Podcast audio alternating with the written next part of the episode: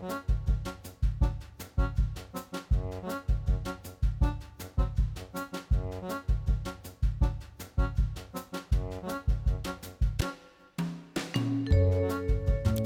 og sæl og velkomin í mannlega þáttin. Í dag er miðvíkudagur og það er 15.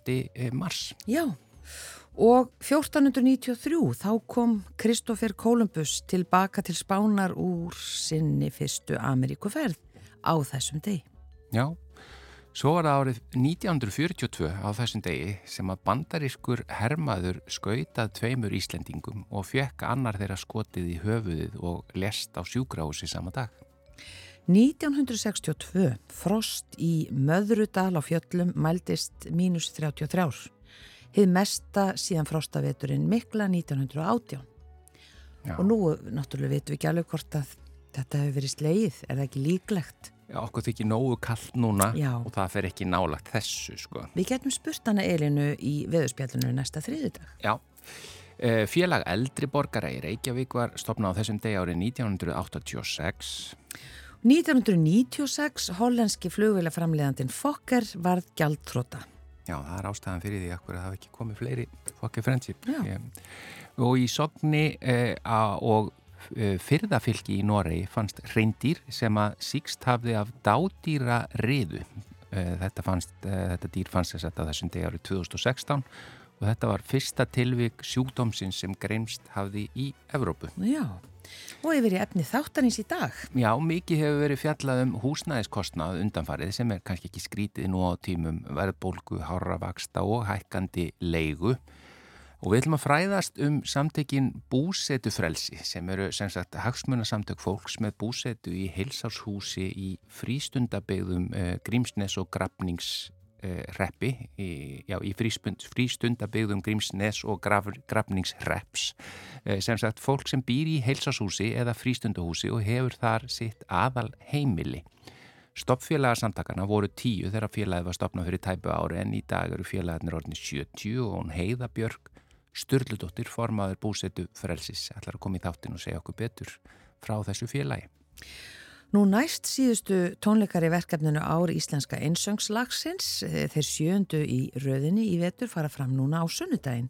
Á tónleikunum er bæði þekktum og minna þekktum íslenskum einsöngslögum gert hátt undir höfði og einn forsenda þessara tónleikaraðar er hátíðar útgáfa, útgáfa á íslenskum einsöngslögum sem eh, kom út í tilefni fullveldis afmælis þjóðarinnar 1. desember 2018 eh, og það var Forlægið Ísalög og eigandi þess Jón Kristinn Kortes sem annaðist útgáfuna og hlaut íslensku fálkaorðuna fyrir verki þegar útgáfana hafði náð hámarki.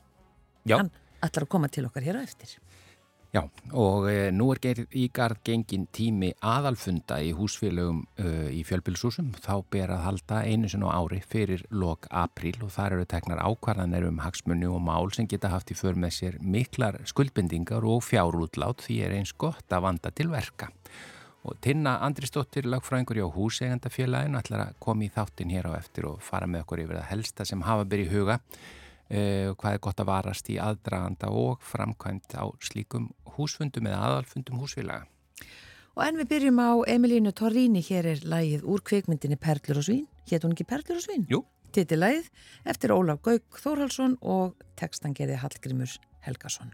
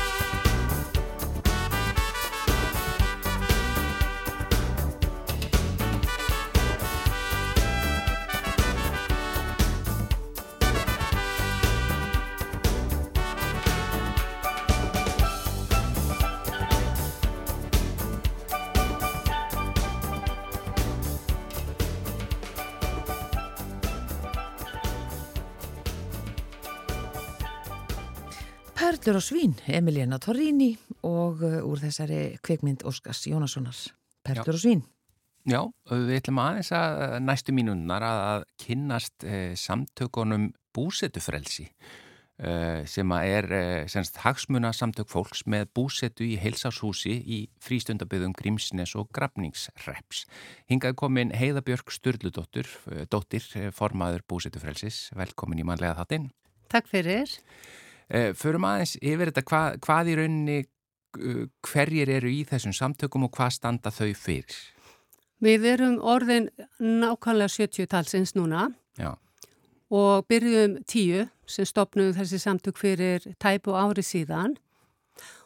Og það sem við erum að gera, við erum að berjast fyrir réttindum, svona hagsmunamálum fólks sem að kýs að hafa sitt alalheimili í svo köllu frístundahúsi og það er full ástæð til uh, vegna þess að þegar ég flutti fyrir tæpum fjórum árum þá fór ég að reka mig á allskins veggi eins og til dæmis það að ég ætla að millifæra litla upphæði yfir á rekning þýskrar vinkonu þá gati það ekki að því ég var orðin eins og glæpa hiski að því að ég var með lögheimilis skráð ótilgreint. Ég má semst ekki skrá lögheimilið í mitt hús, götunúmer og slikt, að því að þetta er skilgrenn sem frístundahús.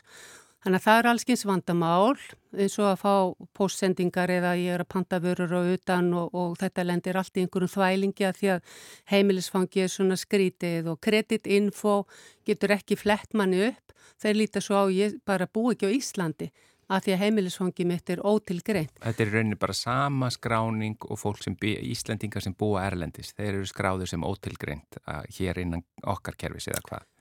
Já, ég er nú ekki viss hvernig þeir eru skráðir. Já. En þetta er allavega svona stór þáttur í því að við stopnum þessi samtök að gera okkur líka sínilegri og þetta er bara öryggisatriði. Við erum sko hundruði talsins Íslendingar sem að búum á þennan hátt og við erum ósýnileg. Engin veit í hvaða húsum er búið eins og ef það verður náttúru vá sem er nú algengt á Íslandi Já, þá þarf að vita í hvaða húsum býr fólk. Mm. Það hefur engin áhuga að vita það, hvar við búum. Þannig að við erum að berjast fyrir því að það sé hægt að skrá okkur með lögheimili. Það er allt í lægi að það sé lögheimili sem er kannski aðeins öðruvísi. Lögheimili 1 er þetta vanalega sem allir eru með. Og svo sé til þá valmöguleikin lögheimili 2 og þar er þá fólk eins og ég sem að bý í sumarhúsi og ég er þá ekki að fá kannski sumu þjónustu og, og, og aðrir, þú veist, eitthvað svona snjómókstur og sorpirð og slikt.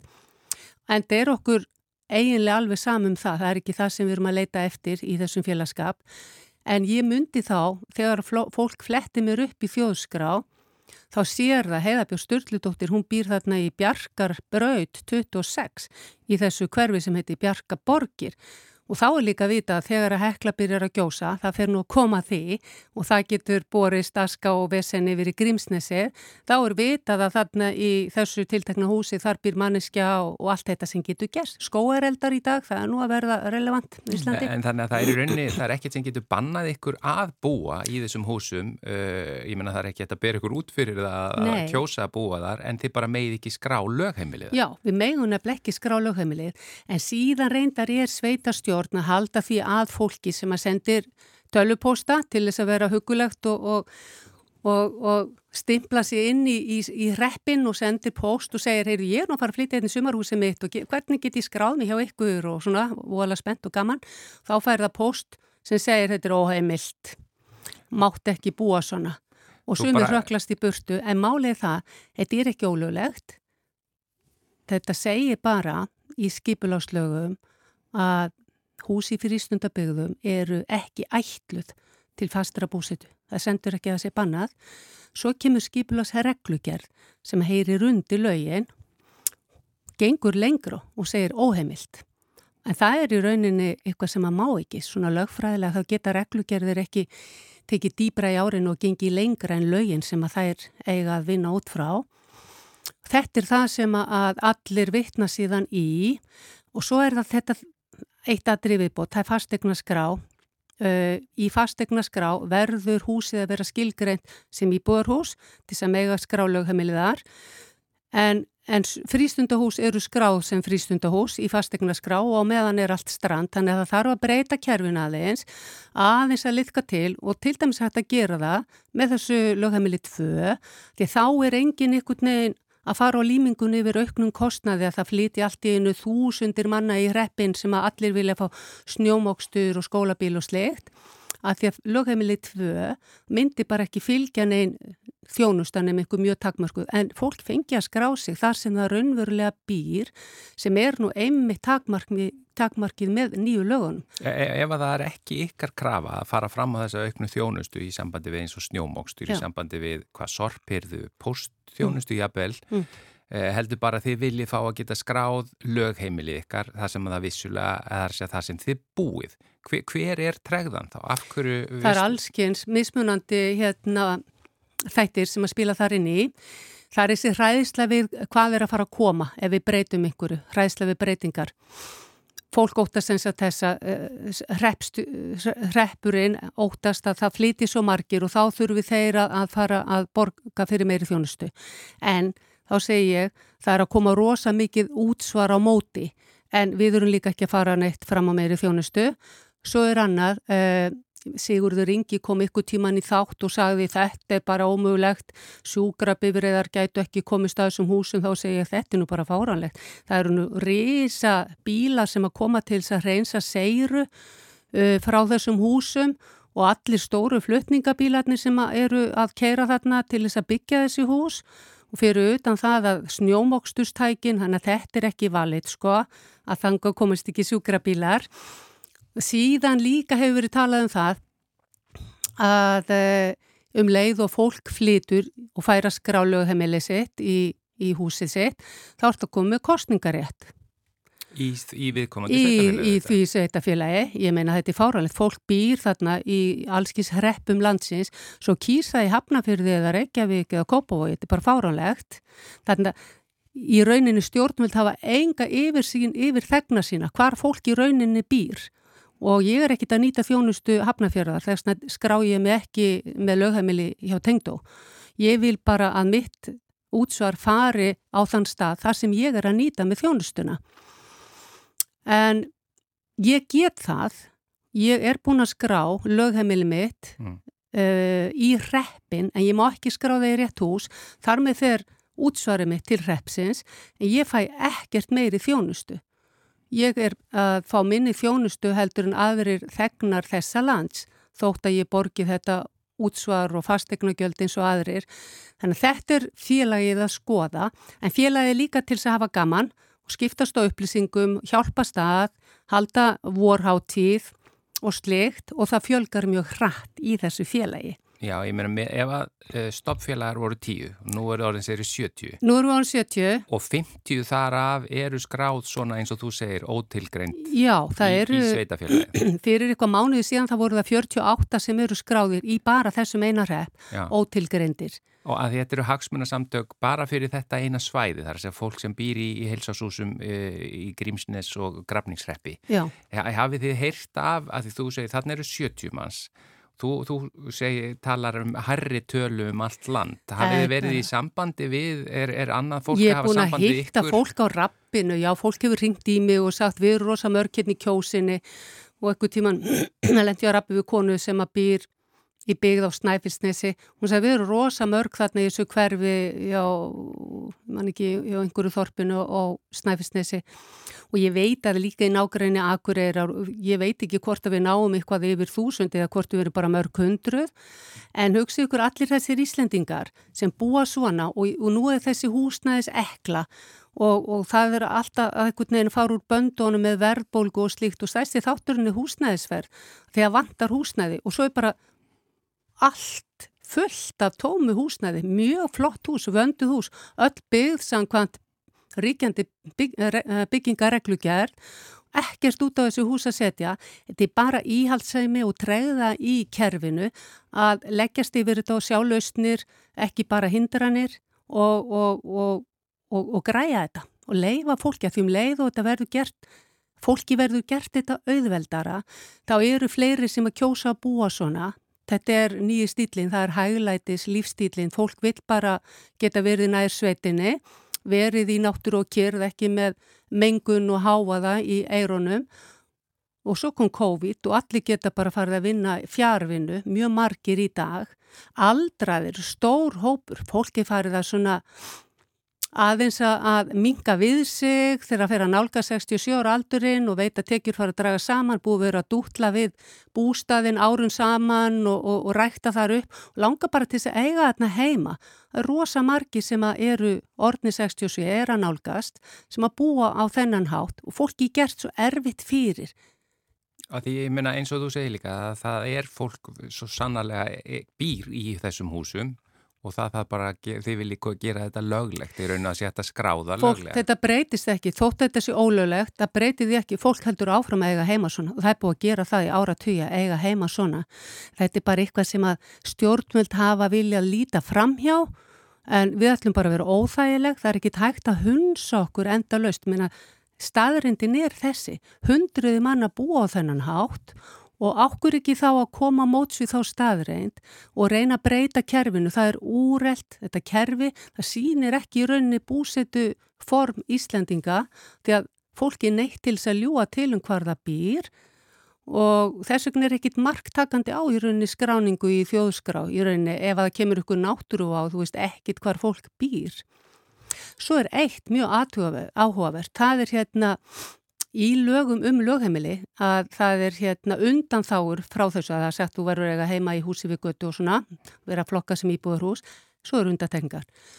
Undatekning til dæmis eru starfsmannabúðir, starfsmannabúðir, þú veist, hugsið um reyðafjörð og svona eitthvað, gámar bara, er þetta rosalega vönduð hús, það, því er oft haldið að okkur, það er ekki hægt að hafa lögheimili bara í einhverju svona timbur kofa en ég menn þetta er flott hús, miklu betur heldur en starfsmannabúðir, þar má fólk hafa lögheimili. Og þú segir líka að þau séu byggð út frá byggingareglugerðum. Alltaf byggð út frá byggingareglugerðum hvers tíma, alltaf Já. samþygt og allt fyrir gegnum löglegt skipilagsfylltrúa og, og allt slikt. Já, Heiða Björg, Björg eh, Sturldóttir formaður eh, félagsins búsetu frelsi, takk hjalla fyrir að koma í manlega þáttinu og fræð okkur um það. Takk fyrir mig.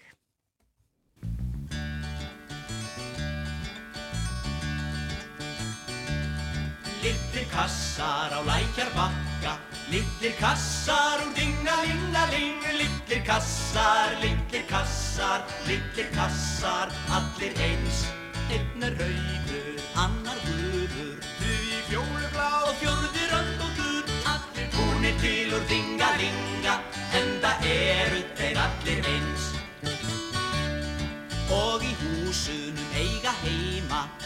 Ungir námsmenn sem gangi háskóla sem lætur þá inn í litla kassa, litla kassa, alla eins. Þeir gerast læknar og löffræðingar og landsbákar stjórnendur og við þeim öllum er dingalinga en það eru þeir allir eins. Þeir stundar sólgöð og sundlaugarnar og sjúsa í nöstinu og eignast allir börn og buru og börnin eru skýrð og ferm og börnin eru send í sveitina. Og síðan vitt í háskólan sem lætur þau inn í litla kassa. Og út úr þeim koma allir eins.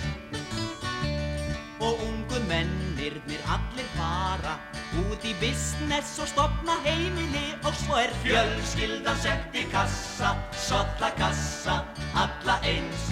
Einn er rauður, annar gulur, þriði fjólublá og fjörður rönd og klur. Allir búnir til úr dingalinga, en það eru þeir allir eins. Litlir kassar á lækjar bakka, litlir kassar úr dingalingaling. Litlir kassar, litlir kassar, litlir kassar, allir eins.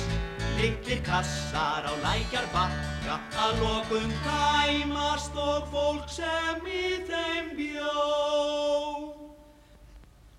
Er að sjálfsögðu sett í kassa, svarta kassa og alla eins.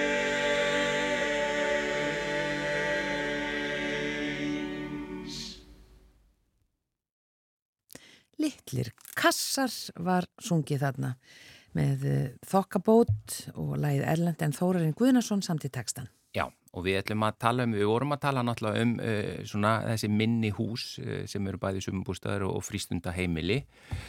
Nei, ekki frístunda heimili heldur uh, frístunda byggð, heilsárshús í frístunda byggðum, en nú ætlum við að tala um aðeins stærri hús Mm, sem fjölbýli. er fjölbýlishús og hingaði komin Tinna Andrisdóttir, lögfræðingur í húsegandafélaginu, því að nú er bara tími eh, aðalfunda húsfélaga framöndan ekki sett. Jú, lög um fjölugnarhús gera ráð fyrir því að það sé haldin aðalfundir fyrir aprílok. Mm. Um, það er engin viðurlögu við því, þannig að ef að húsfélugin gera það ekki, þá fá það enga sekt eða löggan bankar upp á. Já, sko. það er þannig. það er svolir. Lögin bara mæla me- með því, Já. En það er alveg góð og gild ástæða fyrir því og það er bara vegna þess að það er gott að taka ákvarðanir fyrir sumarið. Út af því að við búum á Íslandi og við þurfum alla jafna að framkvæma allar viðgerðir yfir sumartíman. Þannig að þá þarf að taka þessar stóru viðamiklu ákvarðanatökur Mhm. og oft mjög kostnaðasamar framkvæmdir Já. á þessum tíma. Og það er nú gott að allir mæti að því að svo, uh, það getur skipt svo miklu máli að því er ekki bara líðræðið. Jú, Það er bara meiri hlutin sem, sem ræður. Já, megireglan í lögunum er, þá er það að það er samþykki fyrir einföldu meiri hluta og það er á óháð fundasetu, þetta er mjög mikilvægt að funda sókn, en það skiptir ekki máli hvað, hversu margir mæta á fundin, einföldu meiri hluti á fundinum getur tekið ákverðin. Já, þá getur verið mjög mikilvægt að mæta. En, en sko, hva, hvað svona ber að varast uh, akkurat, þú veist, það er ekki allir sem að þekkja öll þessi hérna, lög eða, eða reglur um fundagerðir og fundasköp. Nei, einmitt, bara númer 1, 2 og 3 þá þarf fundurinn að vera löglegur út af því að ef hann er ólöglegur þá eru allar ákvarðinir sem teknar eru á fundunum ólöglegar líka og þá getur hver og einn eigandi sem kannski var ekki bóðar á húsfundin, hann getur bara hafna greiðslu skildu og fyrir fram á mögulega stöðum framkvæmda. Og það er náttúrulega bara ótrúlega leðilegt þannig að hann er enginn að standa í þessu. Þá þarf að halda annan fund og passa hans er löglegur. Og til þess að fundur sé löglegur þá þarf að bóða hann með löglegum hætti. Og ef við erum að tala um aðalfundi þá er það 8 dagar Mm. og mest 20 og fundabóð það bara að vera mjög skýrt og það þarf að koma fram fundastaður og fundatími og það þarf að ræða hvað á að taka fyrir, það þarf að vera dagskrá. Ef við erum að aðalfund þá er lögbundin dagskrá, kostningsstjórnar, ákvörun húsi og skjalda og þetta sem þarf alltaf að taka fyrir einu svona ári. En svo bara fyrir hvert og eitt húsfélag það tekur bara sína dagskrá. Umrára ákvörðan að taka um að gera við þak, umrára ákvörðan að taka um að byggja ruslaskíli, bara hugmyndir. Já, ef, ef það eru einmitt svona einhverjar, einhverjar framkantir sem að e, fólk vil koma eða, eða ræða um á þessum fundi, er þá einhver e, fyrirvari sem að er, að segja, þarf að vera, hvað þarf að vera mikil fyrirvari að koma með fundarefni inn á þennan alf? Já, sko, það þarf að koma með, til stjórnarinnar með bara einhverju sangjötnum fresti. Þú hún gæti kannski út í og núna er oft til dæmis er umræður á Facebook eða í gegnum töluposta þá er kannski stjórnun upplýsir. Við ætlum að halda um, aðalfund í apríl Mm. og bara komið endilega með hérna einhvað, einhverja hugmyndir þar sem þið viljið ræða. En það þarf allavega að funda búið þarf að vera að koma upp átta dögum Já. fyrir aðalfundin. Þannig að það sem getur gert fund ólöglegan, það er í rauninni bara fyrirvarin. Já, og til dæmis líka ef að einhver hefur ekki verið bóðaður á hann, ef hann hefur verið bóðaður með einhverjum einkennilegum hætti. Lögin áskilji ekkit sérstaklega hvernig á að búa til aðalfundar en, en það er mælst til þess að það sé gert þá núna með rafrænum hætti, það var breytt aðeins eftir COVID, það má gera það með rafrænum hætti. Þannig að það bara bara einhver- tölvupóstur? Já, og svo er það líka bara hefðin í þessu húsi. Ef það er alltaf hengt upp í stegagangin og sett í postlur, þá bara halda því áfram. Já, En þeir sem búa annar staðar og er að leia eignarhlutan sinn, þeir verða að upplýsa stjórnunum um hvernig maður ná í þá. Stjórnin ákveðt að fara eitthvað rannsóknar hlutverk. já, hvað leita upp í fólk. Já, já, einmitt. Og stundum getur það gett líka fund ólögmætan ef hann er bara haldin á mjög astnælegum tíma. Mm. Bara 17. júni eða þú veist eitthvað svona. Já, já, já. Maður bóðast, maður bara gerir það Ég ætlaði einmitt að spyrja hvað er tíma? Já, þú veist, aðfangadagur eða eitthvað. Já, Klukkan fjögur, þú Já, veist. en ég meina, lendir þið mikið að því þið eru að aðstóða húsfélög við Já. að halda svona fundi? Já. Ég meina, eru þið að taka það bara alveg að ykkur framkandina eða hvað? Um, já, þá sem sagt er bara undirbúnisfundur hjá okkur, Já. þar sem við bara undirbúum dagskrána svo bóðum við til fundarins, þannig að við pössum að hann sé lögleg bóðun, svo höldum við fundin, þannig að það koma tveir aðeila frá okkur, lögumenn laganemi sem ritar og lögumæðurinn stýrir fundinum. Það Vi, við er, fengum bara að senda spurningum er sér akkurat um Já. þetta fyrir fundina því að, að það var hlustandi sem hafi heyrt auglýst að þú myndi koma Mhm. og, og hérna og hann bara hendur svo, hann, hann, spyr bara hvort að falli þá bara að öllum formsatriðum að hinn ímsu fyrirtæki til dæmis þið eða eins og eign- eigna umsjón sem er mjög stór einmitt, sjáu um, sem, sem að einmitt sjá kannski líka um innheimtu gjalda og tengda þætti að, að þið sjáuð sagt um þessa fundi fyrir húsfélög. Já. Það, það, er engin hagsmuna áreistur þar. Nei, það þarf bara að taka fyrir á húsfundum. Þá var það bara umræða ákvörðan taka um að fá húsendafélagi til að taka sér fundin eða þú veist sjáum hann og þá það er það samþykkt með einföldu meirhluta þá bindur það bara alla eigundur húsins. Já. Hvernig er að setja svona fundi? Ég, svona, ég býst ég að þú hafi setið marga. Eh, Já. Sko, flestum finnst þetta óheyrilega leiðilegt. Já, og við skulum bara alveg vera hreinskilið með það að flestum finnst það, en þetta er náttúrulega greiðarlega mikilvægt. En, jú, jú, það er rosalega gott að fá utanakomandi aðila til að stýra fundunum. Þá gengur þetta bara vel og þegar við erum komin á fundina þá gengur þetta bara vel. Við þekkjum bara reglurnar, þá verður ekki þessi umræða skapast. Og mér finnst eða einu sinni ég held þetta að vera svona, þið vitið bara hvernig þetta getur orðið. Já, já, Þá, eigðum við allir svoleiðis umræðu strax. Mm. En það er sko, er algengt að því að auðvitað fólk er ekkit sendilega sammála um Nei. korki um eh, framkvæmdir eða bara alls konar hluti sem snúa að þetta er flókið, ég menna ef okkur finnst flókið að reyka samfélag, Mhm. það er líka flókið að reyka lítið samfélag í húsfélagi sem geta Já. mér sér verið talsvist stór. Mhm. Þannig að þar geta reykist á alls konar sjónamið. Eh, Hvernig sko að, að læja slíkar öldur og ég minna þegar það kom út í óefni að, að, einhverju neita að taka þátt eða er ég minna, í það minnsta ef öll formsatriði er ef þau, það var að fara rétt með þau í sambandi við fundin og allt það, þá, þá er, er kannski erfitt að rengja það sem kemur fram á fundinum eða? Já, algjörlega, ef hann er löglegur og allar ákvarðanatökur eru löglegar, þá eru bara allir bundnir. Þú ert kannski ekki í meiri hluta, þú ert í minni hluta, en þú verður að lúta ákvarðan meiri hlutans. Alla jafna, það er megireglun, svona alltaf fullta undantekningareglum og stundum það samþykki allra, stundum það samþykki tvo þriðju, stundum það bara einn fjórða.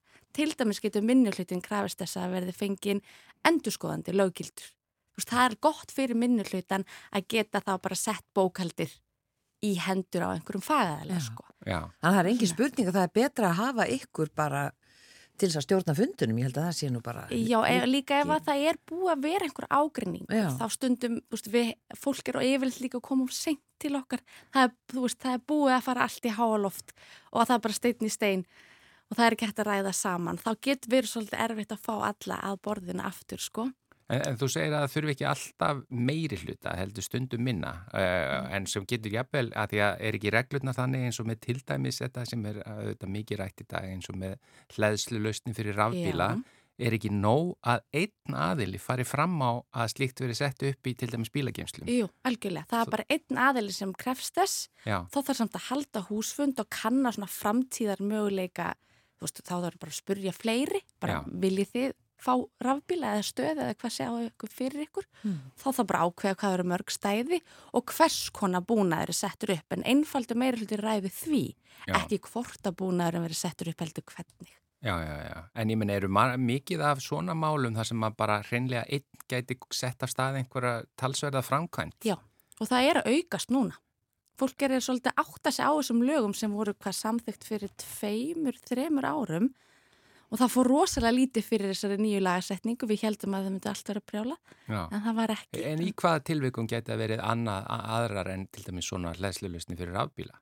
Sem minni hlutin er, Já, nei, sem bara einn geti sett Já, það er ekki, nei. Nei, það er, já, það er bara það. Já, já. Það er bara verið að reyna að íta þessari já, rafbílavæðingu. við verðum að, þetta er náttúrulega gengið mjög langt með þessari lagasetningu og þetta er íþingjandi fyrir aðra eigandur sem ætla ekkert að nýta sér Mm. hlæðslustöð. Já. En hérna, til þess að ná markmiðum stjórnvalda í þessum orkuskiptum, það verðum við að ganga langt. Og þú helst að, eða þið heldur allt er í vittlust út af, Já, lagasetningu. En var þetta í COVID? það. Þetta var fyrir Fyrir COVID? það, já. þetta var fyrir það. En já, við heldum þá þetta því að við erum alveg, þú veist, þetta er náttúrulega andstætt meirreglu laganum, einfalda meirhluta og þú veist, að þú getur bara bundið einhvern greiðsluskildu, kannski 300-400 úrst á íbúð, bara því að þú getur hlaðir afbílniðin. það er verið að ganga mjög langt og það hafa margir sagt við mig bara, ég ætla ekki að samþykja þetta nema þessi hérna bara bensinstuð í veist, það er bara ekki alveg markmið stjórnvalda Það er spurning hvort að það sé sambærilegt. nei, Já, já, En, en það geta komið upp mikil ágreiningsefni. Já, svakalega. Þess vegna er svo mikilvægt að vanda vil til verka og leita sér aðstóðar áður en allt fyrir háaloft. Já. Út af því að það er svo auðvelt að greiða úr þessu. Bara með því að hafa þetta bara eftir lögunum. Akkurat. Og þá þarf einhver að þekkja þau. Þá þarf einhvern að það, það er betra. Já. Hefur tölu yfir það hvað þú, þú sem lögfræðingur Já. hús, húsegandafélagsins, hefur tölu yfir það hvað þú ferð á marga svona aðalfundi á, á hverri svona vertíð? Nei, það er, það er ekkert mjög oft lengur. Ég hef búin að vera svo lengi í þessu og svona, svolítið minn tími í aðalfundum er að hann er þú ert búið liðin. með þína plikt. Ég er búin með mína plikt.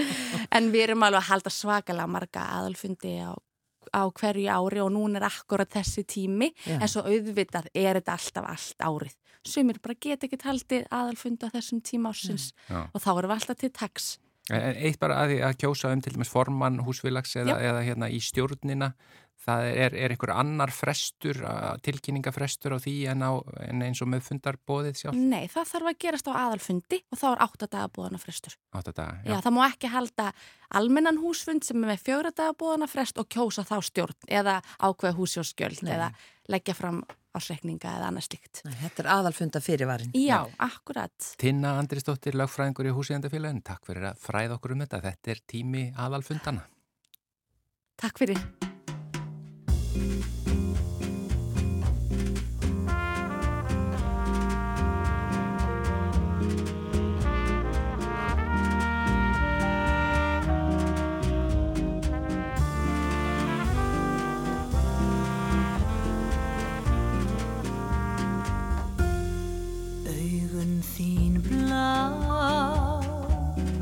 Eru mitt ljósa ljós Munnur þinn hýr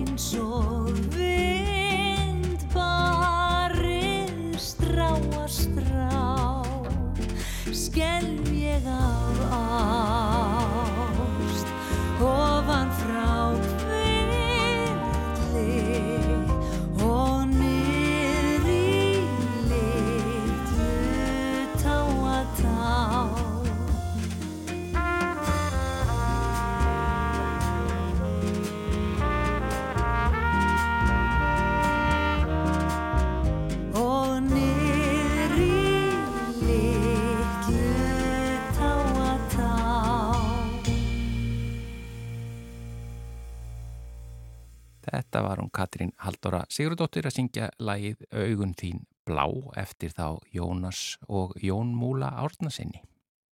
Já, næst síðustu tónleikar í verkefninu Ár Íslenska einsöngslagsins þeir sjöundu í röðinni í vetur fara fram á sunnudaginn 19. mars.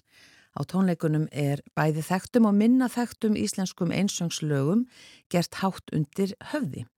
Einn fórsenda þessara tónleikaraðar er hátíðar útgáfa á íslenskum einsöngslögum alls 289 lög eftir 66 tónskáld samin á árunum 1918 til 2018 og sem kom út í tilefni full, fullveldis afmælist þjóðarinnar 1. desember 2018. Og það var forlagið Ísalög og eigandi þess Jón Kristinn Kortes sem annaðist útgáfuna og hlaut íslensku fálka orðuna fyrir verkið þegar útgáfan hafði náð hámarki. Og Jón Kristinn er komin ykkar til okkar. Velkomin Takk kjærlega. og til hamingi með þetta Já, þakka þér fyrir. og þú ert einmitt með hérna þessar bækur uh, fyrir framaði Já, já. því ég baði um það, baði um að sína mér og Já. þetta er ansi flott, vegleg og falleg útgáfa hjá þér Þakka þér fyrir. sem þú hannar og þú gerir þetta allt sem sagt sjálfur eh, um, já, og, allt og umbrot hönnun og, og hönnun og útlit og, og öll hugsun á bakvið þetta. Já, akkurat Nema ég sem ekki tónlistina. Nei, em, en þú kannt að spila hana því, já, Já, svona, að, að, svona upp að vissu marki. já. Já. En þú ert, eh, já, þú hefur eh, skrifað 68 bækur og það, þú ert með 5 enn í smíðum sem við skulum kannski forvittnast um hér og eftir. En fyrst bara að þessari e, hátíðar útgáfu íslenska einsöngslagsins. Þetta eru átta bindi Mm. og þessi tónleikar e, í vetur, þeir eru átta, það eru eh, sem sagt hverjir tónleikar eru eitt bindi, Já. 1, 2, 3, 4, 5, 6, 7, 8 og uh, það stóð nú til að, að, hérna, að flytja þetta fyrr en eins og við veitum þá kom hér heimsfaraldur þannig að, að já, þannig að nú er bara komið að því og næst síðustu tónleikarnar þannig að það er ennþá hægt að, hægt að ná þessu. Já, já. Segð okkur aðeins bara svona frá uh, hugmyndinni. Já, hugmyndin auðvitað var þessi að, að ég var búinn í tilefni ársins að þá var ég búinn að sapna saman og Ólaður Vignir Alfriðsson voru búinn að sapna saman öllum sveimbinni og ég var búinn að gefa hann allan út og vegna þessara, þessara, hund, þessara hundrað ára að, að þá datt mér þetta í hug að sapna saman lögum og uh, reynlega gefa út sem uh, væru þá frá sveinbyrni og alveg yfir í sá yngst er sennilega reyðaringi Já.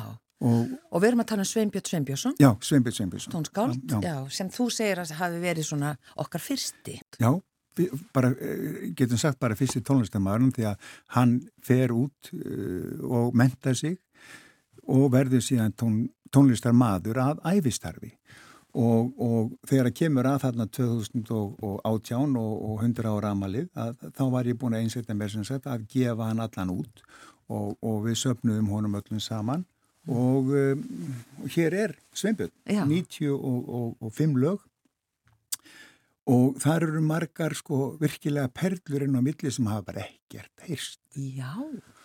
En, en hann er sem sagt byrjuninn og fyrsta hann komið að 2018 og 100 ára amalið að þá ákveði ég að sapna saman lögum í uh, tilefni af þessu íslensk einsöngslög í 100 ár Já. og úr verður þetta e, átta, þessi átta binda röð hérna sem er nú svona í, í boksi og fer vel í hillu Já, mjög, mjög falleg. Já. Já. og, og uh, þetta eru 289 lög og það er ekki af því að það hafi verið stefnan á að hafa 289 lög heldur ég fór bara í þessa vinnu að svona huga að því hver stór má bók vera til þess að sé þægilegt að hafa hann á píanói og svona og, og það kom einfallega upp að svona 112-20 blaðsjur er góð bók. Já, þannig að þú er svona mátað þyktina við Já, já, já, eh, já, hérna já, já. píanóið. Já, já, Og, og, og svo mátaði ég bara íslensk einsöngslög inn í þessa bók og einsetti mér að þetta væri ekki bara topparnir af okkar tónskáldum, heldur þeir líka sem eru minna þekktir. Þannig að, þarna eru 66 tónskáld Já, og eh, þeirra, þeirra verk og, og mörg verkana eða lagana hafa bara aldrei verið sungin. Það er mjög merkilegt. Og þannig að hver bók er byggð upp þannig að, að þetta er svona á þeirra annan máta, toppurinn, eitt þriði, annað minna þekkt, eitt þriði og síðan óþekkt, eitt þriði. Já. Og þannig að þú, hérna, og þetta er bara svona allt sem þú fannst. í rauninni. Já, já, já, já, þetta er allt sem ég fann og, eða ekki að segja ég heldur Ólaði Vignir, hann er alveg hafsjór af, af fróðleg og nótum og en, en það fyrsti píanistun okkar sem að, að mentar sig til þess að vera meðleikar í söngvara Já, og vera svona coach og var með þessum, þessum gullaldar fólki okkar söngvarum hér áður fyrir. já. E, þetta eru áttabindi, svona, hvernig flokkar þetta niður? E- Engin flokkun. Nei. Það, það er ekkert nema það, það, það, er, það er hérna ein bók sem að allt í henni kemur í ljós, að bóknum er sjö, allt í henni kemur í ljós að, að það er mikið af svona, svona kirkjumúsik. Það voru þrjár afi Maríur komnar þarna inn alveg sko ómeðvitað þannig að ef eitthvað væri að þá eru þar svona frekar trúarleg tónlist Já. inn á milli svona Já. meira. Já. E, og þú, já eins og ég sagði 68 bækur og þegar maður fer inn á síðuna þína sem er ísalög.is Já.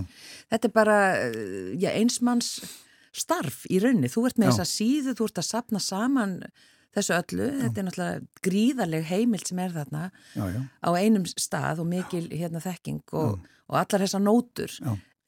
Þetta, Ég- byrjaði, þetta byrjaði bara í, í hérna, ég fór nú í mentó en leittist í mentó, ég passaði ekki þar inni en það var ég alltaf að spila og, og tónlistin hún náði mér alveg þannig að það bara fór þannig að, að ég var komin í tónlistaskólan fyrir 1970 Mm.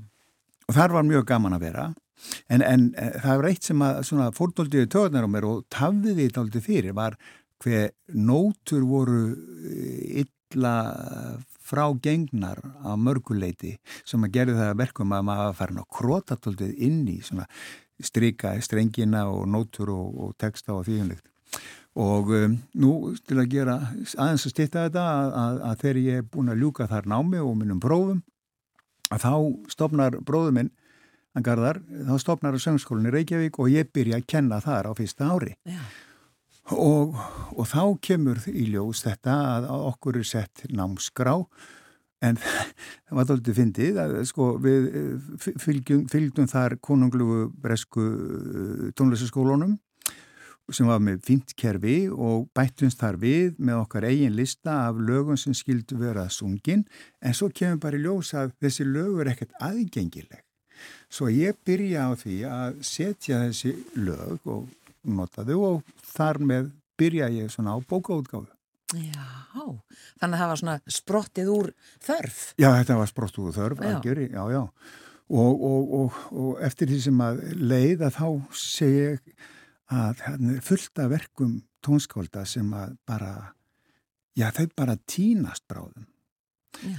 Ég myndaði þú út með handrit með eigin hendi tónskálsins og það er búið að ljósrita það og svo búið að ljósrita ljósritið og ljósrita ljósritið og þetta er orðin bara þannig að þetta er allt saman að þetta í sundur. Þannig að ég hugsaði, heyrðu, þetta fer bara að hverfa allt saman. Allur þessi auður sem við eigum í einsöngslögum íslenskum, að hann hverfur. Mm. Það er enginn sem að gera neitt í þessu þannig að, ég hugsaði bara, heyrðu, þá verði ég bara að gera eitthvað í þessu. Og ég fekk mér manuel eða svona handvirka e, e, nótna setningar vél sem ég eh, notaði í nokkrar bækur sem ég vann fyrir, fyrir aðra, ekki fyrir sjálfa mig.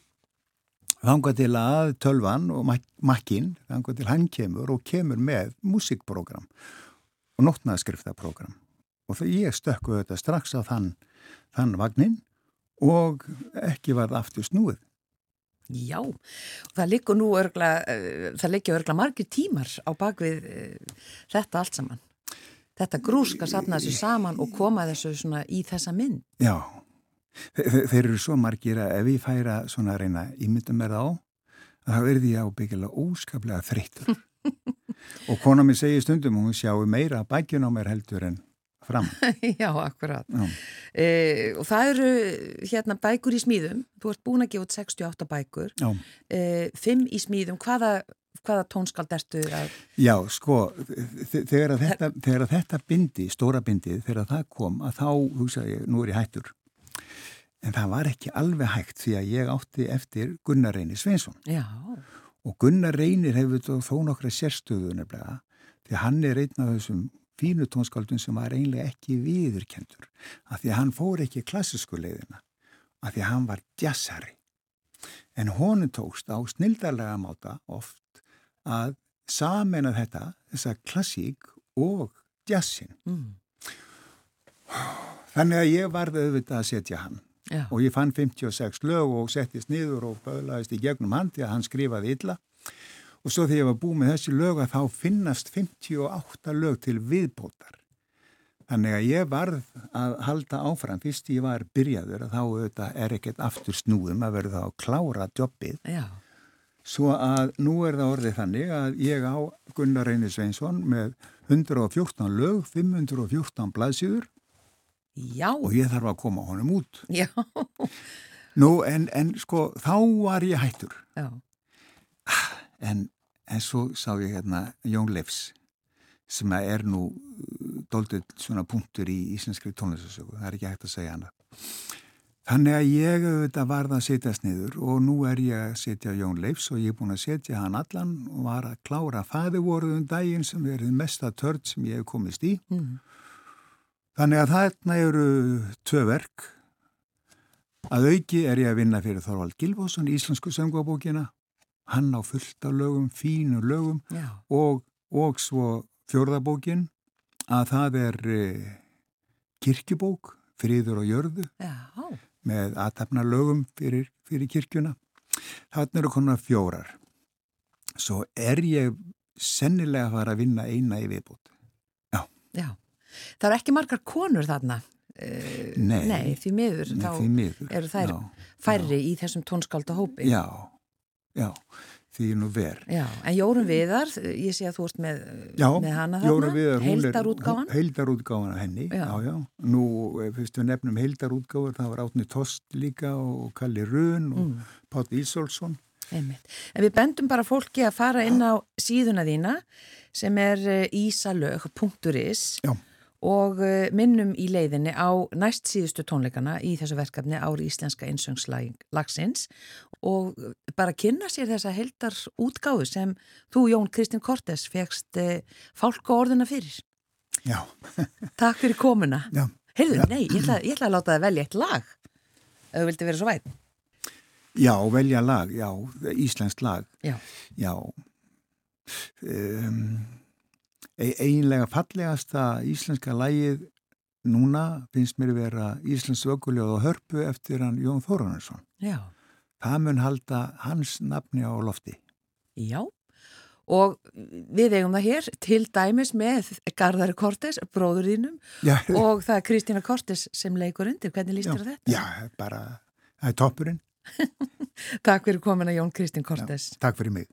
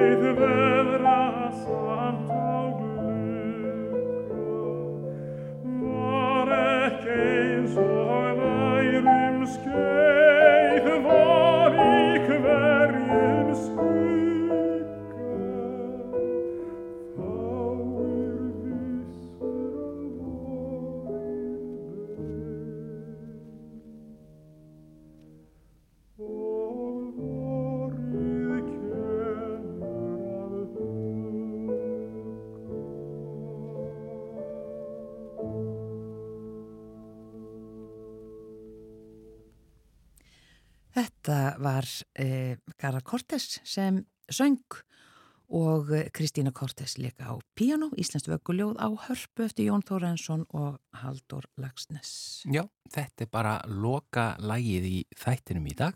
Við eh, verðum hér aftur auðvitað á sama tíma á morgun. Þökkum innilega fyrir samfélgina. Já, verðið sæl.